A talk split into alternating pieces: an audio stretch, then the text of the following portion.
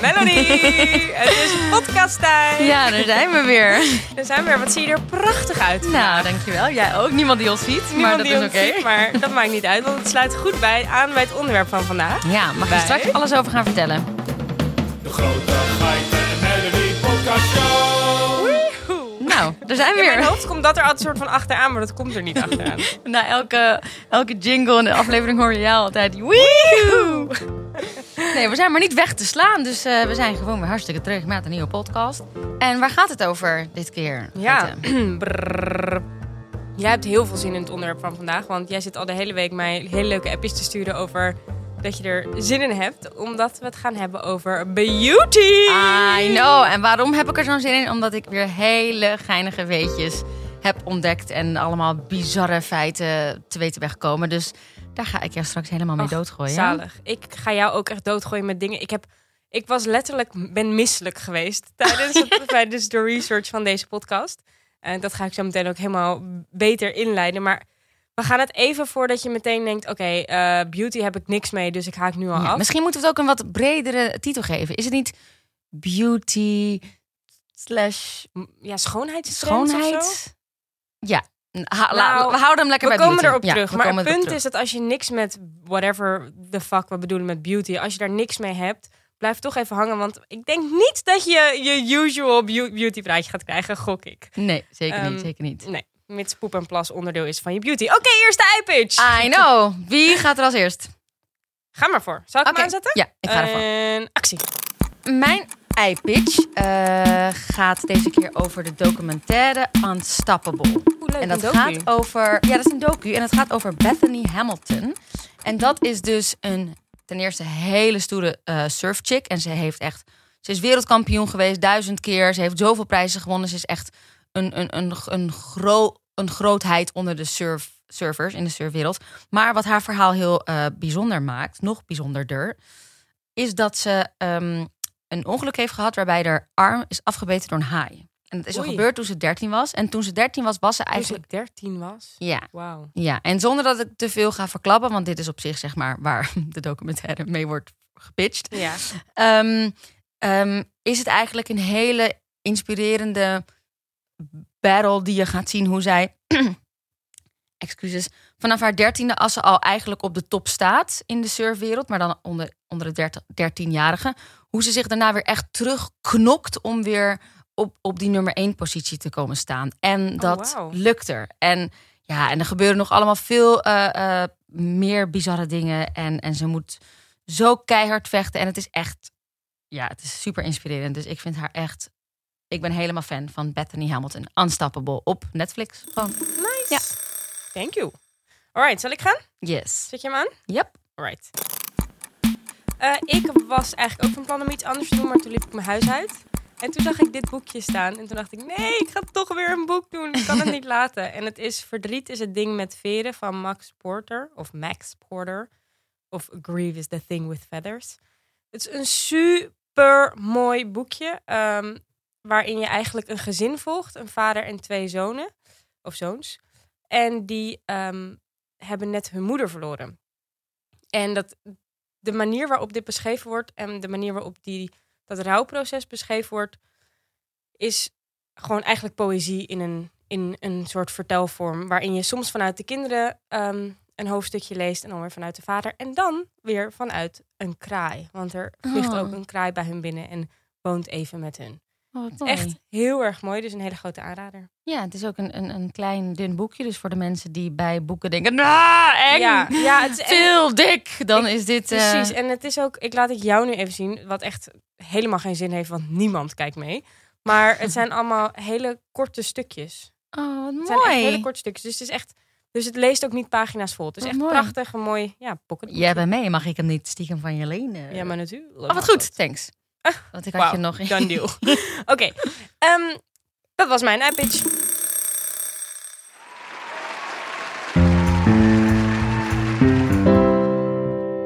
Ja, we gaan, we gaan ervoor. We gaan ervoor. beginnen. Hey. We moeten misschien daarvoor ook een muziekje hebben. Oh, nou, het beginmuziekje, want nu is het ook in elke aflevering. Oké, Oké, het lijkt mij goed als jij begint. dat denk ik ook. Want ik ben, zoals gewoonlijk, dus eigenlijk een beetje traditie aan het Ja, het worden... dat ik in de geschiedenis duik. Klopt. En daar heb ik me toch een partij dingen gevonden daar in die geschiedenis. Het zal dus niet. We gaan gewoon beginnen bij het begin. 10.000 voor Christus. Oh yes! Oké, ik zit er klaar voor. het Oh, ik vind het zo begin. heerlijk. We, we hadden ook contact over wie wat zou doen tijdens deze podcast. En het was ook even dat ik zei, zal ik de geschiedenis... Nou, Doe laat maar. Ik vind het veel te leuk als jij de geschiedenis induikt. Oké, ik, ik, heb, ik heb al een grotere term. We noemen, het, we noemen de aflevering gewoon beauty en cosmetica. Want daar gaat mijn ding op zich wel over. Goeie. Ik noem mijn verhaal gewoon de geschiedenis van de cosmetica.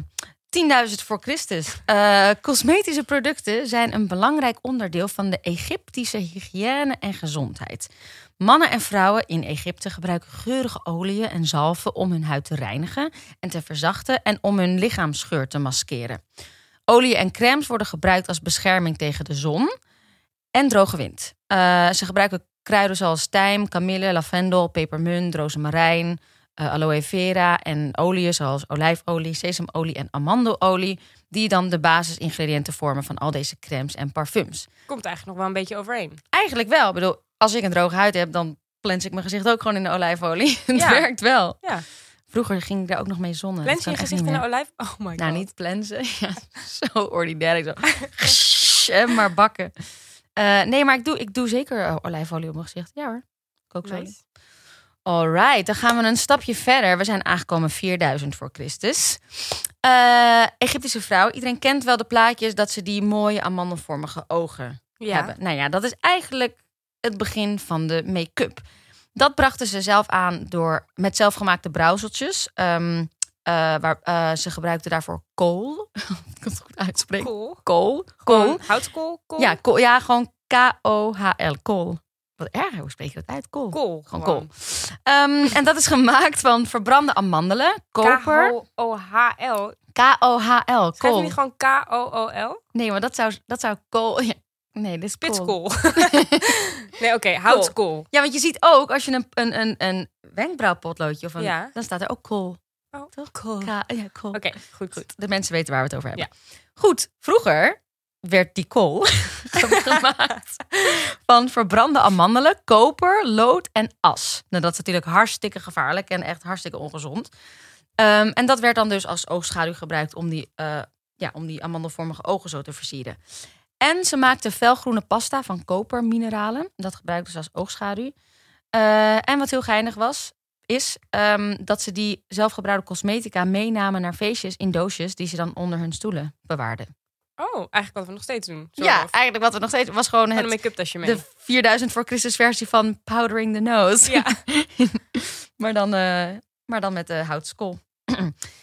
3000 voor Christus. De Chinezen, we zijn in China aangekomen. De Chinezen lakken hun nagels met een brouwsel van Arabische gom. En dat is zeg maar dat spulletje wat in kauwgoms zit, Oh. mind you. Eh, gelatine, bijenwas en ei. Ei. De kleuren worden toegepast als een weergave van hun sociale klasse. De Chao-dynastie of Shu-dynastie, ik weet echt niet hoe je dat uitspreekt. De Chao-dynastie. Eh, royals dragen goud en zilver. Oh. De royals fancy. daaronder dragen zwart of rood. En de lagere klassen, dus zeg maar gewoon de normale mensen, die mochten geen nagellak Oh, faya. gebruiken. ja, heel fijn. Oké. Eh, in Griekenland in die tijd waren eh, de vrouwen bezig met hun gezichten te beschilderen met wit lood.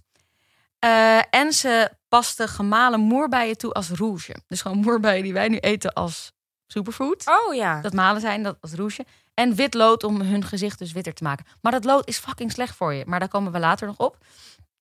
Ook het aanbrengen van nepwenkbrauwen, en deze vond ik top, eh, was in de mode. En dat werd vaak gemaakt van ossenhaar.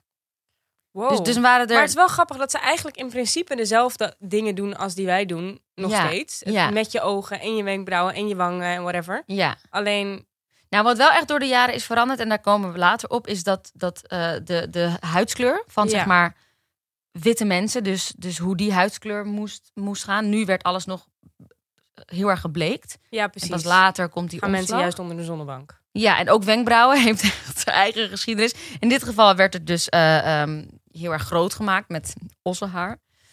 En dat werd, later werd het ook afgeschoren. Oh, daar kom ik nu. Want 1500 voor Christus. eh, gebruikten Chinese en Japanse burgers rijstpoeder om hun gezicht te wit te maken. En hun wenkbrauwen scho eh, scho- schoorden ze af. Scheerden ze af. Schoren ze, schoren ze af. Nou, dat is toch leuk? En dan? En dan, eh, Eeuw, dat, was, zo'n dat, kinderachtige rotreactie. Eeuw, really? dat was Eh, hun maar, modebeeld. Maar tekenen ze dan een nieuwe wenkbrauw zoals vroeger Nee, dat was gewoon hun gewoon zonder wenkbrauwen? Gewoon zonder wen- wenkbrauwen. Ah, ja. Dus gewoon eigenlijk 1500 jaar later was het gewoon van zulke brushes naar Ja. gewoon niks in China. Eh, in China werden de tanden goud of zwart geverfd. Vind ik ook wel heftig. Oh ja. Ja, dat is heel raar. En henna kleurstoffen werden aangebracht op het haar en op de gezichten. Mooi. Doen we Ja. nog steeds. Dat is op zich nog iets wat we nog steeds doen. Dan, Jezus wordt geboren. 100 jaar verder in Rome beginnen mensen hun puistjes te verzorgen. Hoe dan? Gerstebloem en boter. Maar verzorgen als in sparen of juist wegdoen? Ik denk wegdoen, maar dan vind ik die boter nogal Een beetje... tegenstrijdig. Ja. Maar blijkbaar helpt het. Dus jongens, voor de jonge, eh, de, de, de jonge luisteraars onder ons die last hebben van jeugdpuistjes, gerstbloem en boter. Zeggen Volgens- de oude Romeinen. Dat is waar. En die hadden het niet altijd bij het goede eind. Eh, oh ja, deze is ook nasty. Ook lakten ze vroeger hun vingernagels met schapenvet en bloed. Hè, Snap ik ook niet. Dan heb je dus altijd van die greasy soort van bloedige vingers. Goed. eh, modderbaden werden populair. Ja. En eh, sommige Romeinse mannen verfden hun haar blond. En dat deden ze door een mengsel te maken, ook met wit lood en citroen en honing. En dat lieten ze dan bleek in de zon. Oh ja. Dus- Slim. Ja, dus nou, dat was helemaal een ding. Net als Mees. Eigenlijk is Mees een soort afstammeling van een Romeinse Ja. god. Mees is het vriendje van Geiten. Voor Die degene die zijn denken haar die geblondeerd. haar blond heeft In quarantaine. in quarantaine. Het is heel leuk. Eh, in India zijn we weer naar. zijn we weer bij de henna aangekomen. Ik kom gewoon niet uit mijn woorden vandaag, jongens. Oh, ik Kom door de gaat. quarantaine. Oké, in India eh, wordt henna gebruikt. En eh, dat wordt gebruikt als zowel haarverf als eh, in mendi. En nu moet ik even uitleggen wat mendi is. Mendi is dus een ku- kunstvorm waarbij prachtige ontwerpen op handen en voeten worden geverfd. Wat ook nog steeds gebeurt. Wat nog steeds gebeurt eh, met een pasta gemaakt van de henna-plant. En eh, dat, dat gebeurde oorspronkelijk voor hindoe bruiloften. Mhm. Maar inderdaad, inmiddels wordt dat vaker gedaan. En het werd ook al gebruikt in sommige Noord-Afrikaanse culturen. Dus eigenlijk is dat echt super oud al. Ehm, cosmetica in de middeleeuwen. Nou ja, Het is zo chill. ja. Cosmetica Eigenlijk- de Dark Ages. We hebben het al vaak benoemd. Eigenlijk was het weer terug bij af. De hele wereld stortte in. Alle dingen die werden uitgevonden, die werden weer weggeveegd, weggevaagd. En alles was weer gewoon back to scratch. Ja. Ehm, dus de eerste 500 jaar van de middeleeuwen gebeurde er ook precies helemaal niks. Maar toch, in 1200 is er ontdekt dat parfums voor het eerst geproduceerd werden in het Midden-Oosten. En daarna werden geïmporteerd naar Europa als gevolg van de kruistochten. Toen zijn parfums ontstaan. Onschijnig. In 1300 komt in Elisabethaans Engeland rood geverfd haar in de mode. Oeh. Ja, die vond ik ook wel leuk. Eh, vrouwen uit de samenleving dragen eiwit over hun gezicht om een bleke huid te creëren. Super. Echt heel raar. Wat, een, soort, een soort jelly? Ja, ik een soort het niet. smurrie? Witte? Ik denk het. Want het blijft, het blijft er ook op Ja. liggen. Dus rood haar met een soort jellyface. Dat kan niet goed zijn. maar ik vind het rood haar ook wel geinig. Dat Ja. het dan... Mooi. Eh, maar sommige mensen denken trouwens dat co- cosmetica een goede circulatie blokkeert. En dat daarom het gevaarlijk is voor de gezondheid. Dus ehm, die skippen cosmetica. Dat het komt nu een beetje wat vaker naar boven dat het best ongezond voor je is. In de Renaissance zijn Italië en Frankrijk de koplopers als het gaat om de productie van cosmetica in Europa. En alleen de hoogste klasse heeft toegang. Dus alleen de aristocratie, de elite eigenlijk. Mhm. Eh, het moderne idee van de parfumerie ontwikkelt zich in Frankrijk. En eh, die vroegere geuren zijn vooral brouwsels en mixen van natuurlijke en kruidige ingrediënten. Dus veel rozenwater, veel kamille, veel rozemarijn, allemaal kaneel. Daar werden eigenlijk de eerste parfums mee gemaakt. Lekker. In de 16e eeuw proberen Europese vrouwen potverdikkie nog steeds hun huid lichter te maken met verschillende producten, waaronder dus die kutwitte loodverf, wat Ja. super slecht voor je is. En koningin Elizabeth I van Engeland is een bekende gebruiker van dit witte lood, waarmee ze een look creëert die vanaf dan bekend staat als het masker van de jeugd. Oké. Ja, blond haar stijgt in populariteit omdat het als engelachtig wordt beschouwd. En mengsels van zwarte zwavel, citroen en honing worden vanaf nu op het haar geverfd, wat lichter wordt bij blootstelling van de zon. Dus ze Oh hebben een soort nieuwe verf Ja. gecreëerd. Vanaf 1800 wordt er eindelijk ontdekt dat witlood, koper en arsen in de make-up levensgevaarlijk zijn voor de gezondheid. Levensgevaarlijk ook echt. Ja. Er zijn gewoon mensen doodgegaan die zichzelf een beetje willen opmaken. Absoluut. Deze gifstoffen worden gelinkt aan gezondheidsproblemen, waaronder gezichtstrillingen, Oei. spierverlamming en zelfs de dood. Oei. Ja, dat is een hartstikke... Dun, dun, dun. Dun, dun, dun. Dus nu wordt het iets veiligere zinkoxide. Ja. Zink- Zinkoxide, zinkoxide. eh, dat wordt nu gebruikt eh, als gezichtspoeder. En dat vervangt dus al die dodelijke mengsels van lood en koper. Maar koningin Victoria steekt in de 19e eeuw een stokje voor het gebruik van make-up. Wanneer ze verklaart dat make-up publiekelijk ongepast is. Oh. Het wordt als vulgair beschouwd en is alleen acceptabel voor gebruik door acteurs Oké, in een toneelstuk. in een Om, toneelstuk. om aan te Ja. geven dat ze iemand anders zijn. Yep, yep, yep. Dus eigenlijk de, de, de, de jaren daarna is er weer helemaal geen make-up te bekennen. Maar dan, in de 20e eeuw, gaat het snel. Zoals het eigenlijk met alle ontwikkelingen is gegaan in de 20e eeuw. Van technologische, medische tot nou ja, cosmetische ontwikkelingen.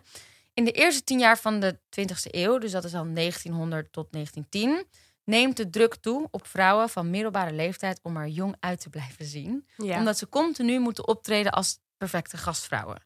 Als gevolg hiervan neemt het gebruik van cosmetica toe, maar het is nog niet volledig genormaliseerd. Schoonheidssalons worden steeds populairder, hoewel de bescherming van deze salons niet eh, algemeen wordt aanvaard. Want veel vrouwen willen namelijk niet publiekelijk toegeven dat ze hulp krijgen bij het bereiken van een jeugdige uiterlijk. En daarom betreden ze de salons vaak via de achterdeur. Nou, volgens mij is dat tegenwoordig niet veel anders. Dat denk ik ook Volgens niet. mij. Ehm, vanaf de prille jaren lopen de Verenigde Staten voorop op het gebied van innovatie, ondernemerschap en regelgeving op het gebied van cosmetica. En nu komen we een beetje aan bij het tijdperk waarin ik namen ga noemen die nog steeds, nou ja, die je nog steeds bekend in de Die we waarschijnlijk klingen- ook al wel eens benoemd hebben, gok ik. Absoluut. In 1886 richt David McConnell de California Perfume Company op in New York. Het bedrijf blijft alsmaar groeien en het wordt enorm succesvol. Waarbij het alleen al tijdens de Eerste Wereldoorlog 5 miljoen producten in Noord-Amerika verkoopt. 40 jaar later verkoopt CPC, de afkorting, zijn eerste producten, tandenborstel, poedervormige reiniger en een make-up set, onder de naam waarmee het tegenwoordig nog algemeen bekend is: Avon. Avon. Zeg ik het goed? Avon. Ja. De Avon cosmetica lijn werd in 1929 geïntroduceerd en is tot op de dag van vandaag een van 's werelds grootste cosmetica bedrijven. Oh. Maar ik ken jou en ik zie aan je gezicht dat je het niet kent. Nee. Nee. ik zat in mijn hoofd te kijken. Avon? Nee, Avon. A-V-O-N? Ja. Nou, misschien als ik het zie. Ja. It's huge, apparently. Oké. Ja. Sorry. Daar, ja. 1900! Het extreem competitieve karakter van de industrie zorgt ervoor dat het aantal Amerikaanse bedrijven dat parfumerie en toiletartikelen eh, produceert stijgt van 67 bedrijven in 1880 tot 262 in Joejoe. 1900. Eh, dus 20 jaar later is het echt lijkt verdubbeld. Eh, en tegen 1900 wordt cosmetica wereldwijd gebruikt. Het is nu gewoon een wereldwijd ding. Zeven jaar later vindt Eugene Schuller, een jonge Franse chemicus, moderne synthetische haarverf uit, die hij L'Oréal noemt. Ah, dat tegenwoordig die ken ik wel. L'Oréal Ja, is precies. geworden. we know a name, we know a name. We know a name. Drie jaar later, 1910, eh, beginnen Amerikaanse vrouwen hun eigen vorm van mascara te creëren. Ja, want we, hebben nog niet, we zijn nog niet bij mascara aangekomen. Mhm. Eh, door plukken wax op hun, vinger, op hun wimpers aan te brengen. Oké. Ja, dus dan, Dus dan, maak je het vetter of zoiets ja, dergelijks. je maakt het dikker. wordt. Ja, en dan, dan, dan doen ze er misschien zwarte kool bij, waardoor het cool. Eh, maar ja, dan heb je dus net een soort van van die zware wimpers. Eh, maar goed, dat begonnen ze te doen. Ja. Ehm, het begin van de Eerste Wereldoorlog in 1914 leidde tot veel meer werkgelegenheid onder de Amerikaanse vrouwen. Of eigenlijk vrouwen eh, in general, maar Amerikaanse vrouwen. Alle mannen zijn weg naar het front, dus de vrouwen nemen het thuis over. Met dit nieuwe werk komt een nieuw inkomen en daardoor stijg, steeg de verkoop, de verkoop, steeg de verkoop van binnenlandse cosmetica tot ongekende hoogte. Dus eigenlijk al Omdat die vrouwen vrouwen. hun eigen geld konden uitgeven. Ja, vrouwen waren gewoon aan het werk, ze verdienden Konden geld. zeggen, it's my money, it's my rouge. I know, maar ik denk alleen, voor wat maakte je je dan zo goed op? Want alle mannen waren weg. Maar goed, Eh, voor, zichzelf. Klopt. ja, misschien Of voor, die leuke tuinman die was Ja, achtergebleven. Ja. Alright, 1915. Daarin creëert chemicus T.L. Williams Maybelline mascara voor zijn zus Maybelline. Maybelline. die de inspiratie van het Oh. product was. Dus Maybelline, Never knew. ja, it's gewoon because a sister wanted to have a mascara. Ja. Goh. Dan begint in 1920 de drooglegging in Amerika. En ik weet niet of je weet wat de drooglegging, drooglegging was, maar dat was een periode in de Verenigde Staten tussen 1920 en 1933, toen de productie en de verkoop van alcohol geheel verboden werd. Met het doel daarmee het alcoholgebruik en alcoholisme uit de Verenigde Staten te bannen. Maar volgens de wet zouden parfums en toiletartikelen hier ook mee verboden moeten worden vanwege hun alcoholgehalte. Oh ja. Maar toen mobiliseerde de Manufacturing Perfumers Association eh, echter haar krachten. En zij haalden het congres over om producten vrij te stellen die ongeschikt waren voor gebruik als drank, zoals cosmetica.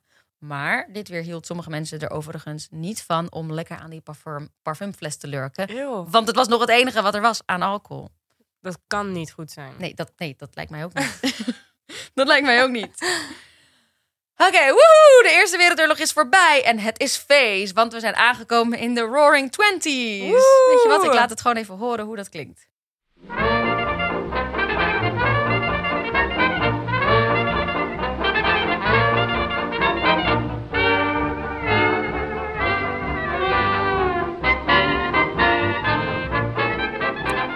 Yes, de flapper look komt voor het eerst in de mode. En daarmee donkere ogen, rode lippenstift, rode nagellak en de zongebruide huidskleur. Die voor het eerst per ongeluk wordt geïntroduceerd door fashion-icoon Coco Chanel. Oh. Daarover later meer.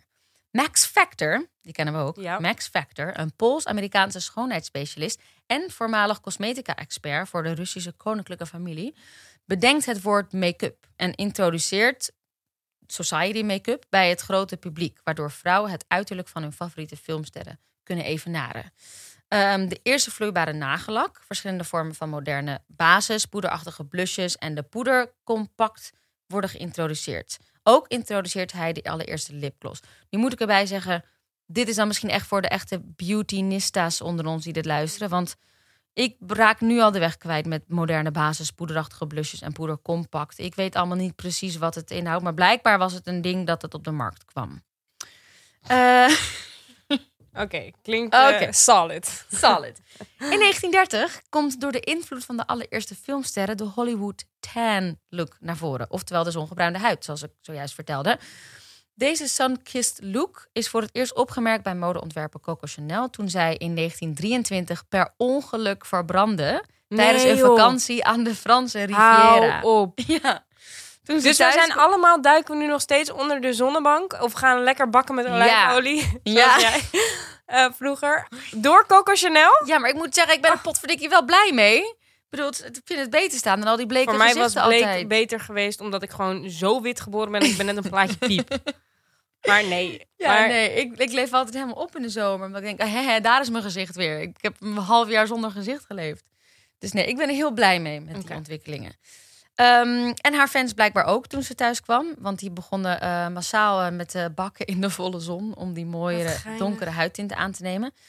En wat ook grappig was qua shift in Maar perceptie. heeft, het, heeft het niet ook gewoon te maken met dat voor en nadat de slavernij is afgeschaft? Dat zou, nou ja, wat het, wat het wel was, kijk, bleke huid stond symbool voor de hogere klasse, omdat het ook betekende dat je niet naar buiten moest, de zon in Om moest om te werken. Maar later werd die zongebruinde huid chic, omdat dat, juist. ja, dat liet Ja, juist zien dat je rijk genoeg was om op vakantie te gaan Ja, en in ja, je tuin te luieren en inderdaad chic niks te doen met een zonnepaneel. Ehm, dus ja, dat, dat, zou daar, daar heeft, dat zou er echt wel mee te maken hebben. Eh, 1934, de eerste shampoo op de markt.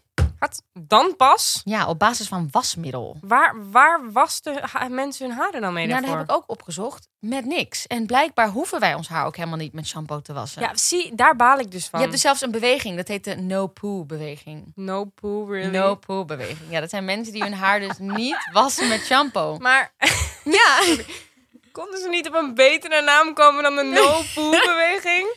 shampoo. Wist je dat shampoo ook trouwens een Indische naam is? Nee, Sham- dat wist ik niet. Nou ja, Maar ehm het is daar Oké, ontdekt. Ja, heel Daar- irritant. Want ik heb dus ook het idee dat wij, ik smeer, wij, wij vrouwen en meisjes, whatever. Ik kreeg om mijn twaalfde of zo gewoon een soort Een van... rimpel?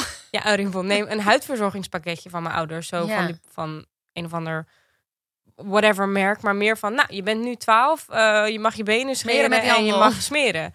En, en, maar jongens krijgen dat helemaal niet. Dus ik heb Nee. ook het gevoel, als ik kijk naar, naar gewoon jongens of mannen, die smeren over het algemeen veel minder op dan wij. En hun huid heeft, is ook helemaal niet zo droog als Nee, die van ons. Dus misschien is het ook, zijn we Dat ook wel echt zo, gewoon genaaid bij de geboorte al. Zeker. Want ik smeer elke dag iets, maar ik moet ook smeren. Want als ik de Ik douche ook. uitkom, dan, dan pijn trek gewoon. ik ongeveer een soort van als een woestijn in elkaar. Gewoon van, Same. van droog. Dus ik moet meteen smeren. Ga verder. Ehm, Eugene Schuller, de oprichter van L'Oréal, die ik zojuist benoemde, eh, brengt in 1936 de eerste zonnebrandcrème uit. Dan En pas. ondanks dat het voor geen meter werkt. Maar mensen hebben, hadden toch wel andere dingen die zich beschermen Ja, lood en, en al die Nee, maar ook wel dingen van planten en zo. Ook wel. Oké, Ja, dat zou kunnen, maar dit is echt de eerste zonnebrandcrème. ja. goed. Maar het werkt dus nog niet, want er zit nog geen SPF in. Dat wordt pas later ontdekt door een Oostenrijkse wetenschapper. Frans Greiter, voor de mensen die Mm. het willen weten. Ehm, en die introduceerde die SPF pas in 1962. En dat is dus wat we nog steeds eigenlijk gebruiken als wereldwijde standaard voor het meten van de effectiviteit van de zonnebrandcrème. Oké. Oh nee, wat kut. De Tweede Wereldoorlog staat voor de deur. Het is 1940 en beenmake-up wordt ontwikkeld als reactie op een tekort aan kousen. Oh, dat heet mijn oma vroeger ook. Maar die vertelde mijn moeder. Beenmake-up. Wat ik, mijn, ik weet niet of dit hetzelfde is, maar wat, wat mijn moeder vertelde, wat bijvoorbeeld mijn oma deed, of gewoon mensen die geen geld hadden voor kousen, Ja? die tekenen dan heel netjes zo met kool, Nee. met één lijntje achter op hun been, waardoor het zeg maar als, als, een als eh, lijntje van de panty, waardoor het lijkt dat je wel een panty draagt. Nee. Ja. Dus ik gok Dus dat dat, ze dat is bedoelen. dat Want volgens mij is nu Kim Kardashian heel recent de eerste die echt body make-up op die manier. Nee, dat kan niet de eerste zijn. Ik loop maar wat. Ik heb me er niet in verdiept. Oh nee, maar dit zou echt wel... Dit is wel een... een... Maar ik denk dat dat is wat ze bedoelen. Wat geinig. Oké, nou de oorlog is voorbij. Jee, feest. Eh, cosmetica bedrijven beginnen vanaf de jaren 50 met het sponsoren van daytime televisieprogramma's. eh, de uiteindelijke soap operas. Dat was toegankelijke televisie bedoeld als opvulling tussen de reclames door voor huishoudelijke producten. Omdat de vrouwen toch niet meer mochten werken en overdag meestal thuis waren om het huishouden te doen, waren zij het perfecte publiek voor deze soaps en hun reclames. Nou, en tegenwoordig heet het nog steeds soaps. Een soap. Alleen is het wel veel beter geworden. Ehm, dus eigenlijk kunnen we wel stellen dat we vanaf toen zijn aangekomen in het moderne tijdperk van de cosmetica. En dat is gewoon begonnen vanaf het moment dat de, de industrie televisiereclames, product placement, subliminal messages, sponsoring en trendmaking voor het eerst serieus zijn gaan toepassen.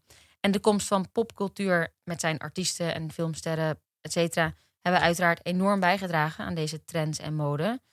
Eh, zoals het op de dag van vandaag nog steeds zo gaat. Ja. En dat is eigenlijk in een notendop, een vrij lange notendop, de geschiedenis van beauty en cosmetica. Van 14.000 voor Christus tot nu. Nou, ik vind dat je het weer super goed gedaan hebt. En eh, wat is jouw, eh, heb jij beauty dingen of whatever die, die je doet of die je deed? Mm, even kijken. Ja, op zich. Eh hoezo lachen? Ik zag laatst John Mayer en die werd dit ook gevraagd door Ellen DeGeneres in een, in een interview. Van wat zijn jouw beautygeheimen? En toen zei hij heel geinig, surprise the face, just surprise the face. De ene dag wel crème, de andere dag niet crème, dan weer olijfolie, dan weer dit, just surprise the face. en toen dacht ik, oh ja, dat is in principe wel iets wat ik ook wel doe. Ik doe elke dag gewoon een andere crème, maar wel elke Echt? dag een crème. Ja, omdat ik gewoon zo heb je dan zeven crèmes of zo? ja, ik heb gewoon veel van die, ja, ja, van die potjes. En, dus het is gewoon meer van wat ik zie liggen. Oh, dat doe ik vanavond dit. Oh, dat doe ik vanavond dit. Doe ik vanavond dit. Oké, disclaimer. We zijn obviously geen dermatologen. Dus Nee. doe, eh, en alleen doe ons niet na. Niet, eh, niet ochtends. Nee? nee. ochtends geen crème. Nou, jawel, met een SPF. Dat wel. Een zonnebrandje. Ja, een zonnebrandje. Dat doe ik ook pas sinds ik ouder aan het worden ben. en ik zit niet meer in de zon te bakken. En tegenwoordig zijn natuurlijk dikke lippen en een beetje het Kardashian-figuur in zijn volledigheid is natuurlijk een beetje hip. Ja. Daar komt ook wel botox en fillers bij kijken. Hoe sta Ja. jij daar tegenover? Ja, ik sta daar wel voor, ik sta er wel voor open, wou ik zeggen. Nee, ik sta daar niet. eh, ja, dat, dat, dat is gewoon de. Hoe noem je dat? De ontwikkeling van onze maatschappij. Daar gaan we nou naartoe. Net als dat je je kan verzetten tegen de technologische ontwikkelingen, is dit gewoon volgens mij iets wat niet meer weg te denken is straks. Dus ik heb daar geen oordeel over. Ehm, ga ik ook niet doen. Want Maar weet, nee, dat hoeft ook helemaal niet. Maar zouden we de jou... bel. Ja, precies. Dus het zou kunnen dat we jou over tien jaar met eh zwoele lippen en eh, keiharde denk- tieten hier tegenover ik- me zitten. Ik denk dat het bij, bij mij wel heel erg zou opvallen qua lippen. Als ik opeens hele dikke lippen zou hebben. Ehm, nee, voor nu niet. Ik moet zeggen, ik heb wel veel dat ik lekker behandelingen laat doen. En ik laat wel om de zes weken een, een facial doen. En ook met allerlei technieken. Met mesotherapie, microtherapie. Gewoon, weet eigenlijk het fijne niet van. Maar dat ik wel allemaal dingetjes uitprobeer. Omdat ik het gewoon wel lekker vind. Zijn beetje- Daarmee ook surprise the face. Surprise the face, surprise the face. en het zijn gewoon een beetje me-time moments. Ja. Maar botox en zo in mijn lippen, I don't know. Ik ehm, denk niet. eh, wie weet, als ik een. Eh, voor nu niet. Ik zeg voor nu niet. Maar en jij dan? Eh, nou, ik zit helemaal onder. Nee, nee, nee. Ik ook. eh, Ik ik, dacht al het voorover. Ja. Ja. Ligt al een tijdje niet meer. nee, ik eh, heb eh, niks in mijn gezicht gespoten. En ik moet zeggen dat ik me niet voel aangetrokken tot het idee dat er überhaupt een naald in mijn gezicht gaat. Dat vind ik gewoon best wel eh, sp- ja, spannend. Ja. Maar, en ik moet ook zeggen dat ik, ik heb bijvoorbeeld mijn ogen laten laseren. Dat is gewoon puur omdat ik slecht zag en goed wilde zien. ja. Dus heb ik, en dat vond ik zoveel gedoe. Ik ben er wel heel blij mee, maar het was zo'n gedoe om daarvan bij te komen. En soms als, als er dan wel eens de Kardashians of zo op tv zijn... en je ziet weer dat ze iets hebben laten doen aan zichzelf... die mensen moeten dan twee, drie weken bijkomen... voordat ze überhaupt de straat weer op kunnen. Dus nou, dat zal natuurlijk vast niet zijn met... Ik weet Maar niet wat precies laten wat ze dan allemaal doen? Ja, hele kaakoperaties, dingen worden Oh, naar wow. voren... naar oorlellen worden er afge... Je kan alles, alles Oké, maar wat neem, je dan bedenkt neem wil ik echt doen. totaal terug wat ik heb gezegd. Ik sta daar echt niet achter als mensen zoveel heftige dingen aan zichzelf laten doen. Waar ik wel achter sta is mensen die al heel hun hele leven onzeker zijn over iets. En dan is dit een mooie gelegenheid om daar voor eens en voor altijd mee af te rekenen. Voor hetzelfde geld is er iemand heel erg onzeker over zijn dunne lippen. Nou, laat die lekker zichzelf... eh, Eerst v- laat die zelf lekker zichzelf uitvinden hoe je gelukkig kan zijn, mogelijk met wat lichaam wat je gekregen hebt. En als je dat dan, als dit de conclusie is, doe het. Maar iemand zei ook ooit tegen mij, en dat vond ik wel heel goed advies, een oudere actrice, eh, toen ik wat, nog wat feller sprak over cosmetische behandelingen een Ja. paar jaar geleden, die zei toen tegen mij, eh, je moet niet zo veel oordelen hebben, want dat gaat jezelf nog in je billen bijten. En toen Ja. dacht ik, very good point. ja, Dat- daarom daar ga ik ik ga het niet zeggen, want voor hetzelfde geld straks ben ik 40. Precies, en doen we het zelf. En dan willen we, eh, dan ja, dat kan ook gewoon. Ja. En dan zijn we van gedachten veranderd, zoals ik ongeveer per dag over dingen wel van gedachten verander. Goed, wat ik heb gedaan deze week, ja, deze podcast, is ik heb me even verdiept in wat je allemaal kan laten doen. Nou, je kan van alles laten doen. En om, ik heb mezelf een Oh. beetje beperkt, omdat ik dacht van, ja, we- als ik, weet je, als je alles doet, dan, dan, dan zitten we hier over vier dagen nog. Dus wat ik in eerste instantie heb weggelaten is alles met je lichaam. Dus ik heb me gericht op het gezicht. En wat ik ten tweede heb weggelaten is alles wat te maken heeft met ehm, snijden. Want Oeh. daar werd ik gewoon super misselijk van. ik werd er zo misselijk van. kan je dan laten doen? Schat, geloof me, je kan alles wat je bedenkt, kan je laten doen. Oké, maar dan zitten we inderdaad echt met een heel fundamenteel probleem als iemand dat heeft. Kijk, een neusje verkleinen of een lipje opspuiten, dat zijn nog wel lieve dingetjes. Maar Je kan, gezicht verbouwen vind ik wel je heel kan heftig. alles laten doen. Dus ik heb sowieso, vond ik dat snijden heel erg vies. Ik, ik dacht op een gegeven moment, misschien moet ik me gewoon om over te lezen en nu ook over te vertellen, dan wordt het zo'n bloederig verhaal. En eh, op een gegeven moment dacht ik van, nou, dan richt ik me op wat meer natuurlijke dingen. Ja. Maar toen kwam ik alsnog op dat je langzaam oplossende draden in je gezicht kan laten naaien, die de boel naar achter trekken als een soort van, van eh, hoe noem je dat? Face- Face- ja, facial, hoe noem je dat? face- Facelift. facelift, Ja, facelift. Ehm, en, en die lossen dan langzaam op. En dat vond ik dan ook weer zo'n vieze gedachte dat je draden in je gezicht letterlijk naait. Oh. Dat ik dacht, weet je wat ik doe? Ik doe niks wat met snijden en naalden en dingen te maken heeft. Ik kijk gewoon wat er overblijft. En daarvan heb ik weer een top gemaakt van wat ik de meest bizarre dingen vind. So are you ready, my darling? Ja. Oké, nou, je kan, ik begin even rustig. Je kan eh, een facial nemen van, van acupunctuur. Dan krijg je zo'n 100 naalden in je gezicht om de bloedomloop te stimuleren, de bloedsomloop. Dat is echt super mild. Maar wat je daar dan nog van hebt, is een bepaalde variant. En die wordt de Vampire Facial genoemd. Nou, misschien heb je er wel eens van gehoord, ik weet het niet. Want het is namelijk heel bekend geworden toen Kim Kardashian een selfie van zichzelf postte met een volledig bebloed gezicht. Oh my god, waar Yep. kan het goed voor zijn? Eh, nou, voor, je, voor dat je er dus jonger en strakker en beter uitziet. Want wat ze dus doen bij de Vampire face, Facelift, oftewel de PRP Facelift, dat is een niet-chirurgische facelift die door, door middel van fillers en bij de behandeling worden de plaatjesrijk plasma, dat is die PRP, uit je eigen bloed gehaald. Dus zeg maar, je- halen Ja. een armpje bloed, eh, sorry, ze halen een buisje bloed uit je arm. Dat bloed wordt dan in een machine supersnel rondgedraaid. Dan wordt je gezicht gemicroblade, dus ook met allemaal Oh. kleine naaldjes wordt, worden je poriën helemaal, of je, je, je vaten worden helemaal opengezet. En dan wordt je eigen bloed, eh, je eigen gehusselde bloed in je gezicht ge- ge- ge- Hou gegoten. En dit zou een helende, jongende, verjongende werking hebben voor Oké, je huid. maar eerlijk, geloof je daarin? Dit is toch echt... Dit is een, blijkbaar een super bekende facial die heel veel mensen doen. Gadverdamme. Ja, maar het is helemaal niet, dus het is helemaal niet Maar eh, raar. is niet een lekker eh, rustgevend momentje me-time. Dit is met allemaal nee, je, eh, ja, klopt. Nou, je, wordt, je zou ongetwijfeld wel beginnen met een gezichtsmassage of zoiets dergelijks.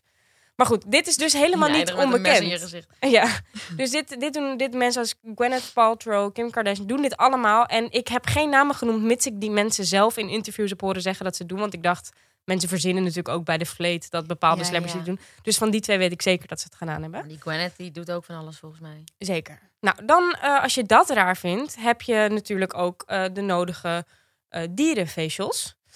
Zoals de slakkenfacial. Dat is precies wat je denkt dat het is. Namelijk, je krijgt een facial en er worden er allemaal slakken op je gezicht gezet. En die slakken gaan dan lekker over je gezicht smeren en slijmen en lekker Nee, wandelen. echt- En die gaan op een wandeltochtje. En nou ja, die, die, die slakken, je kan overigens ook slakkencrème kopen en slakkenserum. Dat kan je allemaal, is allemaal niet raar, blijkbaar. Die eh, eh, schijnt heel goed zijn voor je huid en heeft ook een bepaalde verjongende werking. En Nou. Ja. Ja, dat kan. Maar als je graag een slakkenfacial wilt, eh, neem, sluit dan absoluut niet de bloedzuigerfacial uit. Oh my god. Als je toch op de dierentour bent. en op de zuigtour. en op de zuigtour. Nou ja, slakken zuigen volgens mij niet, maar Oh, nee, die slijmen alleen maar. Die zijn, die zijn een soort natte zoenen. Eh, maar de bloedzuigers, dat wordt echt gebruikt eh, voor meer mensen met, ehm, met littekens... of die hele heftige last hebben van acne of een onzuivere huid.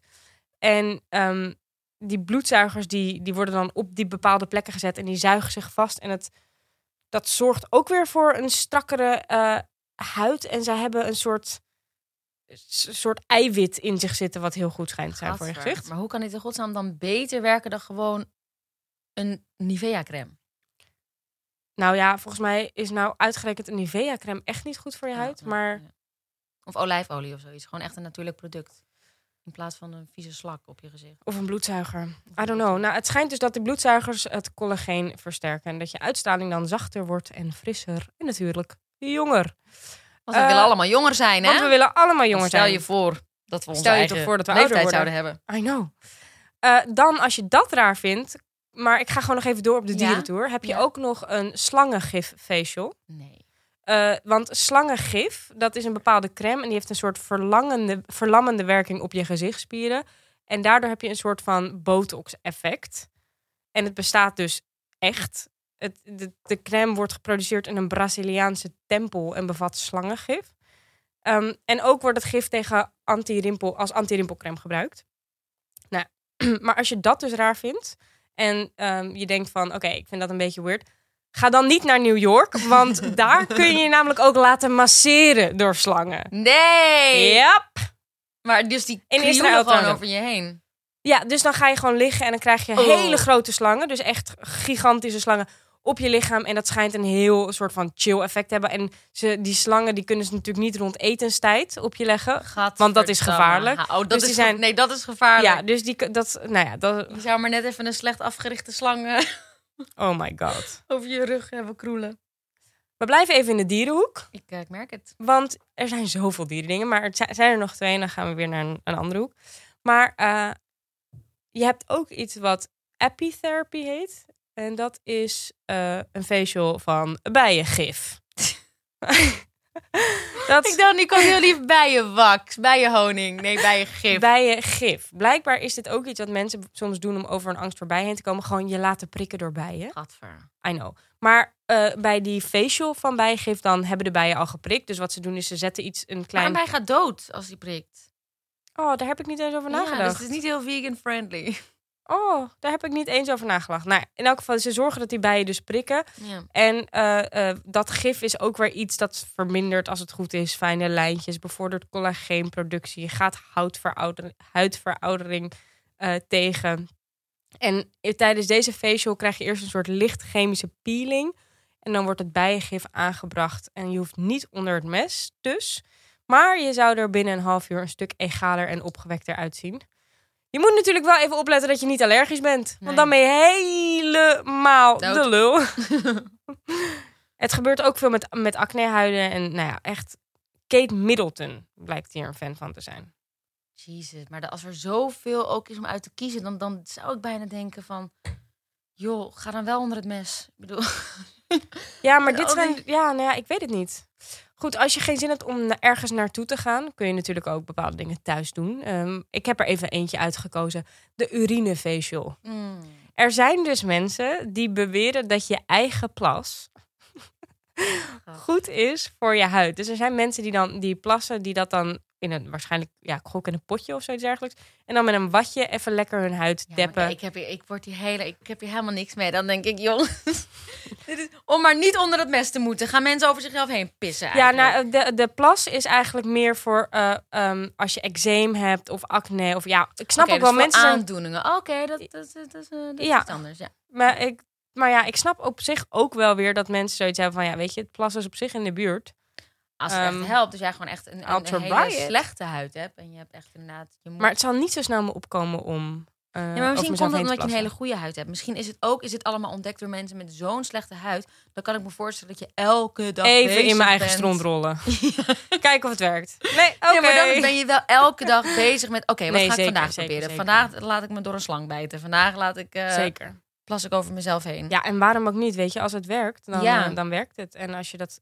Ja, waarom niet? Als iemand mij zou vragen, je mag morgen gratis je laten masseren door slangen. ik zeg- voeg die gratis even toe, want ik zou er niet voor betalen, denk ik.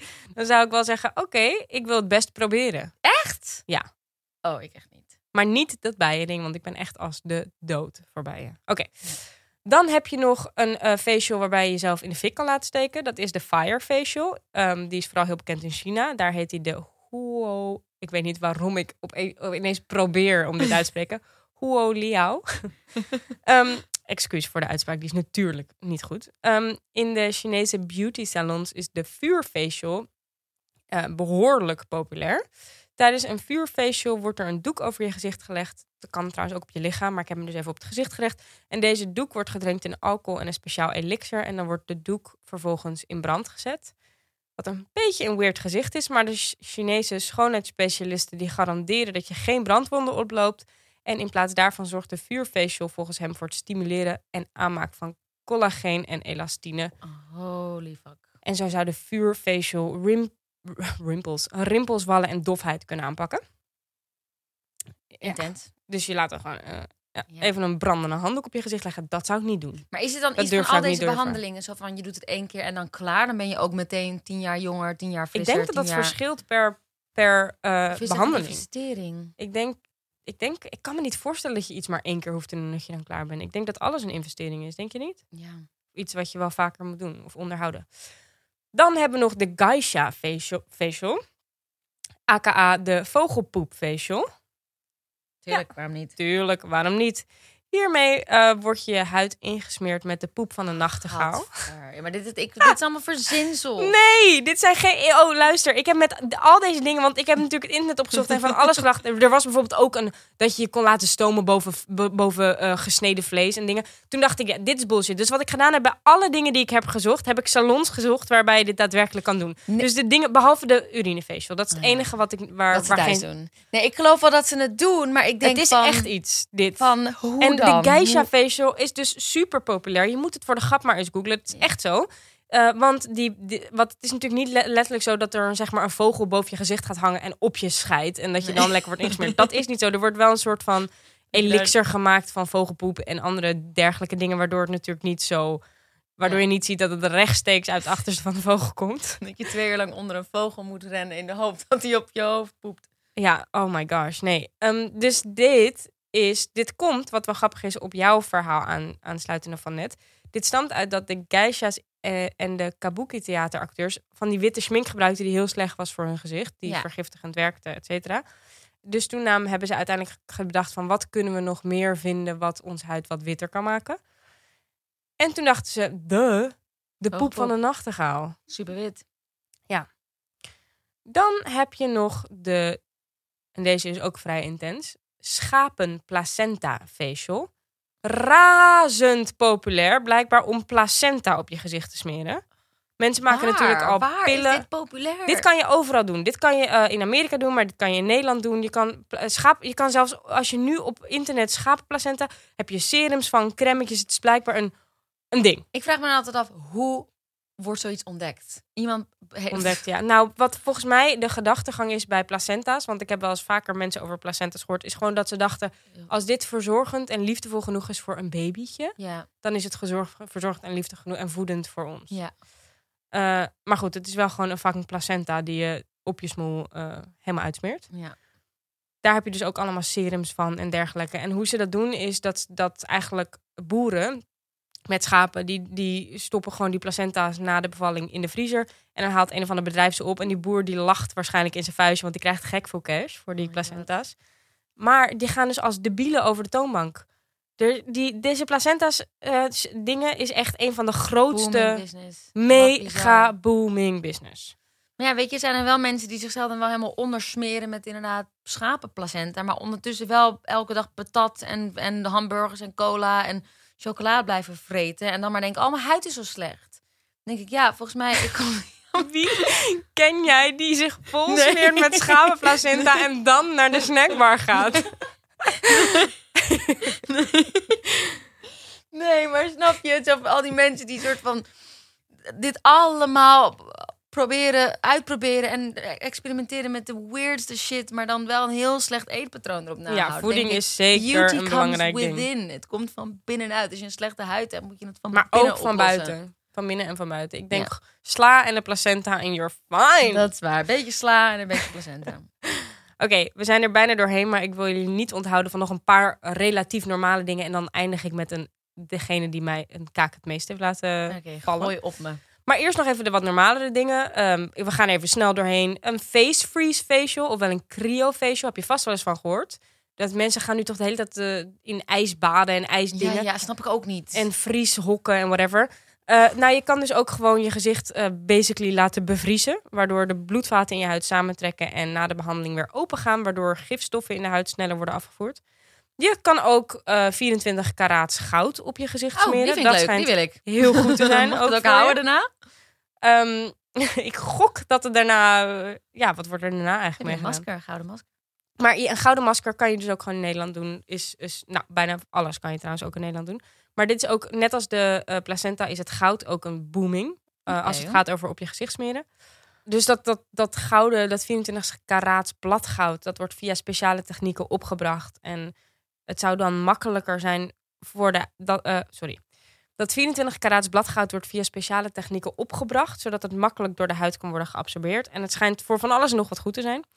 Echt eh, een, een, een booming ding dus. Oké. Dan heb je nog eh, een aantal baden. Mensen baden in rode wijn. Mensen baden Die snap in- ik ook. Ja, die snap ik ook. Mensen baden in modder. Dat snap ik natuurlijk ook. Snap ik ook wel. Ehm, wat, wat mij Alhoewel, opviel- trouwens, rode wijn, als je daarin baddert, word je dan niet ook super dronken? Want je huid neemt ook iets op.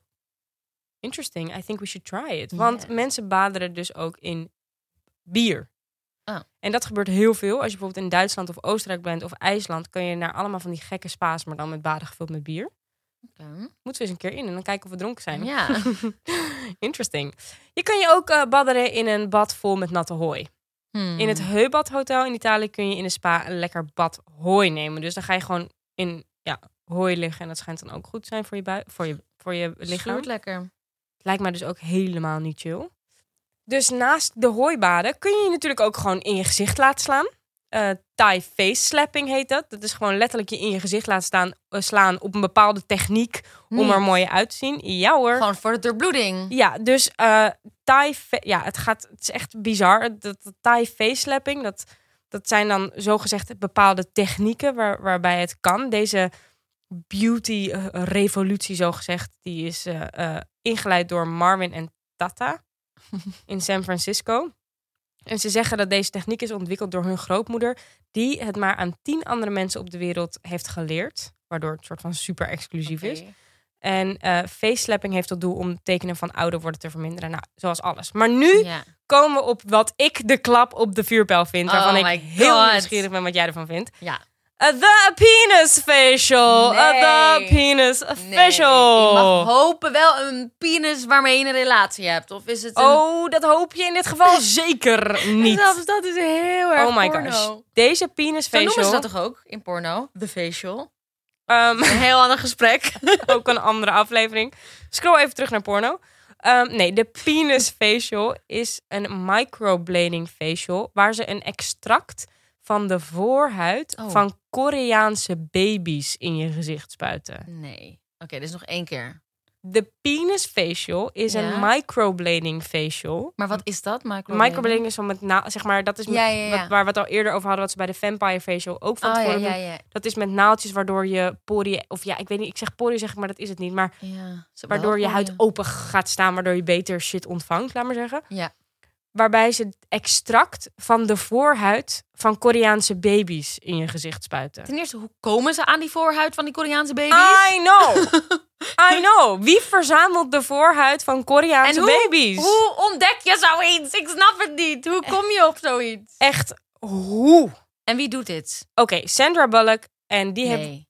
100%, Sandra Bullock heeft er zelfs een interview over gegeven bij Ellen DeGeneres. Ja, maar Sandra Bullock, even heel even een ander, ander, ander verhaal, andere Ja. side note. Heb je haar hoofd gezien in Ocean's 8? Het was echt geen eh, Koreaanse joho. Penis facials. Nou, Penis zij heeft dus, fun fact, heeft ze die bijna de hele cast van eh, Oceans, wat was het? 11, 12? Eh, Eight. En al die Eh, eight, vrouwen waren sorry. helemaal verbouwd. Hebben, maar goed, dit is dus niet, ik, los van wat zij gedaan hebben, dat, dat, dat weet ik niet. Maar ehm, dat, is, dat komt denk ik niet door de penis facial.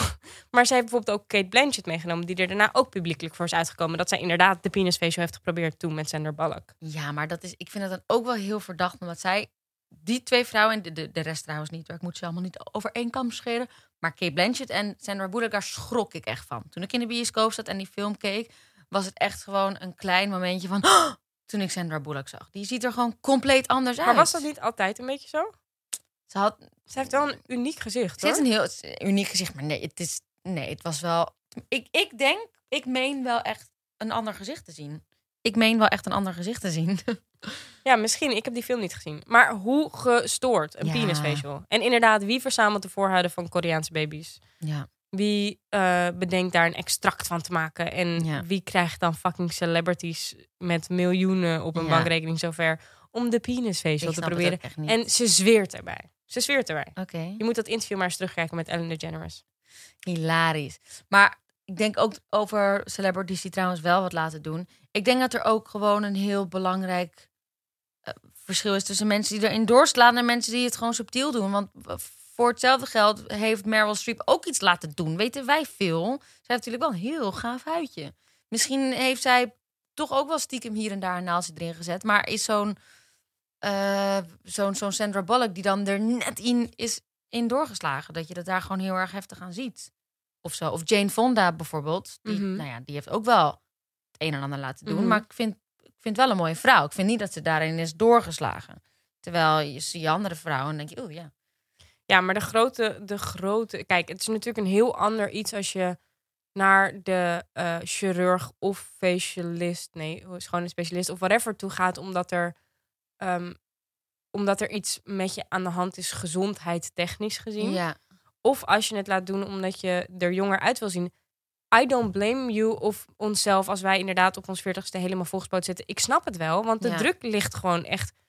Ja. Er zo, ligt zoveel druk op, voor mijn gevoel, vrouw, vrouwen. Maar als je een jongen bent en je, je hoort dit en je denkt, eh, nee, ook op mannen, correct me meteen. ja. Ehm, de, eigenlijk moeten we gewoon volgens mij als maatschappij kijken hoe krijgen we die druk wat minder en hoe kunnen we ervoor zorgen dat we de ouderen wat meer ehm, weer terug op hun voetstuk ja. zetten waar Ja. ze vroeger ooit stonden met de wijsheid toen schoonheid nog veel minder een rol speel, speelde in die. ja. Dit doet me overigens denken omdat we het hebben over ehm mail-on, wat ik net zei van ben je een jongen en je luistert mail-ons, aan eh, even wat ik graag wilde benoemen. Eh, de vorige keer hadden we een podcast over astrologie. Weet je nog dat ik toen zei wie heeft mij een DM'tje gestuurd Ja, ja, ja. over eh, astrologie? Eline van Huizen, denk ik. Of Eline V. Huizen op Instagram. Die had me gedM'd. Hey, ik was degene die via Instagram Live het onderwerp astrologie aandroeg. Net de podcast geluisterd. Superleuk dat jullie hem daadwerkelijk behandeld hebben. Oh, Zelf leuk. ben ik een leeuw en ik herken zeker karaktereigenschappen in, van het sterrenbeeld in mezelf. Dus dat vond ik wel heel erg leuk om te lezen. En we hebben ook we hebben weer een paar super leuke mailtjes hebben we gehad. Ja, zeker. Eh, misschien is het wel leuk om eventjes eentje voor te lezen. Om heel even te laten weten van... Jongens, we see you. En we lezen jullie e-mailtjes die je gewoon... Pak jij hem erbij, Mel? Ja, ja. En we lezen jullie e-mailtjes die je nog steeds kan blijven sturen... naar de grote podcastshow dagenacht.nl. Je kan ons ook. DM'tjes sturen via Instagram... Melody Klaver of Gaite Jansen. En voordat ik het vergeet te zeggen... en voordat we die mail er nog even bij pakken... Like ons op eh, ehm, alle podcast mogelijke manieren. Want dat is iets wat wij altijd vergeten te zeggen. En daardoor onszelf een beetje in de eigen vingers snijden. Want als jullie dat doen en als jullie het veel, veel delen en dergelijke. Als je het leuk vindt, dan kunnen wij deze podcast blijven maken. Ja, Dus doe dat vooral. alsjeblieft. Dit was een mailtje van Melissa van Manen. Ja. Ehm, hi hi. Allereerst bewonder ik jullie werk heel erg. Eh, ik heb vanochtend de eerste vijf podcasts van jullie geluisterd. Jullie laten mensen luisteren, vermaken en meer begrijpen over onderwerpen. Jullie leggen dingen uit, echt super. Ook krijg ik nu dus zin om boeken te bestellen en te gaan lezen. En voor mij mogen de afleveringen ook zelfs langer zijn. Nou, Want dat jullie is kunnen- nu volgens mij wel. Volgens mij wel weer gelukt. Ja. Want jullie kunnen uren over die onderwerpen praten en ik kan uren naar jullie luisteren. Qua onderwerpen, voor de volgende keer zou ik graag info over dromen en slapen willen horen. En ben ik benieuwd naar het brein van de mens. Waarom we denken over wat anderen over ons denken. Vind ik interessant als Ik mensen dit Van ook wie- interessant van wie was dit vinden. mailtje ook? Melissa van Manen. Melissa van Manen. Super leuk. En wat heel erg leuk is, eh, Great Minds Think Alike. We hebben dus veel meer DM'tjes en mailtjes gekregen met als onderwerp aandraging dromen. Dus daar gaan we ons absoluut in verdiepen. Of dat nou Ja. de volgende wordt of die daarna. Maar we vinden het echt mega leuk, alle mailtjes die we krijgen. En eh, we zullen op aanraden van onze lieve producent, hoe noem je dat eigenlijk? Ja. De uitgever? De Ja. persoon die... Noem, hoe noem je dat zo? Eh, sidekick. Laten we Sidekick. een sidekick noemen. Eh, van het is misschien wel leuk als jullie af en toe ook laten weten dat jullie het ook daadwerkelijk lezen. Dus bij deze, we vinden het echt super leuk. weet je wat, wat, wat ik ook wel heel erg benieuwd naar ben? Nee. naar eh, jullie beauty rituelen. Ik bedoel, zeg maar, dus je hoeft ons niet te mailen als je zegt, nou, ik smeer ook elke, elke dag mezelf in. Maar als jij nou iets bijzonders hebt waarvan je denkt, nou, als ik dat vertel, Ja. it will blow their mind. Laat ons weten, Ja, want we vinden het wel interessant. Idee. Heel goed idee. Ja, En als we iets moeten uitproberen, dan doen we dat ook echt met liefde. ja, doe dat ook. Misschien eh, dan eh, kom ik toch wel even uit mijn comfortzone. Ja, en nogmaals, alles wat we vandaag genoemd hebben, weet je, don't try it at home, zou ik zeggen. Nee. Eh, voel je vooral niet geroepen om urine op je gezicht te smeren. Maar als je dat wel doet, laat ons even weten hoe het was. En het moraal van het hele verhaal is... Je bent mooi zoals je, Je bent. bent mooi zoals je bent. En dit is gewoon allemaal omdat het leuk is om uit te proberen. Omdat het goed is voor je huid. Misschien, of misschien niet. misschien ook niet. En omdat je niet. jezelf altijd naar een hoger niveau kan tillen. Daardoor zijn we überhaupt bezig met make-up en met kleding en wat dan ook. Eh, maar inderdaad, je bent sowieso mooi zoals je bent. En eh, niet je kaak gaan verbrijzelen of je ripper uithalen. Hou allemaal op. Alright. Of ja, weet je, als je daar gelukkig van wordt. Ja, dan, eh, wel. Als jij je ripper uit wil halen, dan moet je lekker ja, dan moet je dat lekker doen. Ja. Oké, Mel, jij bent mooi zoals je bent. ja, joh, jij bent nog mooier zoals je bent. Oké, dag allemaal. Dag Tot de allemaal. volgende keer. Bedankt. Volgende keer.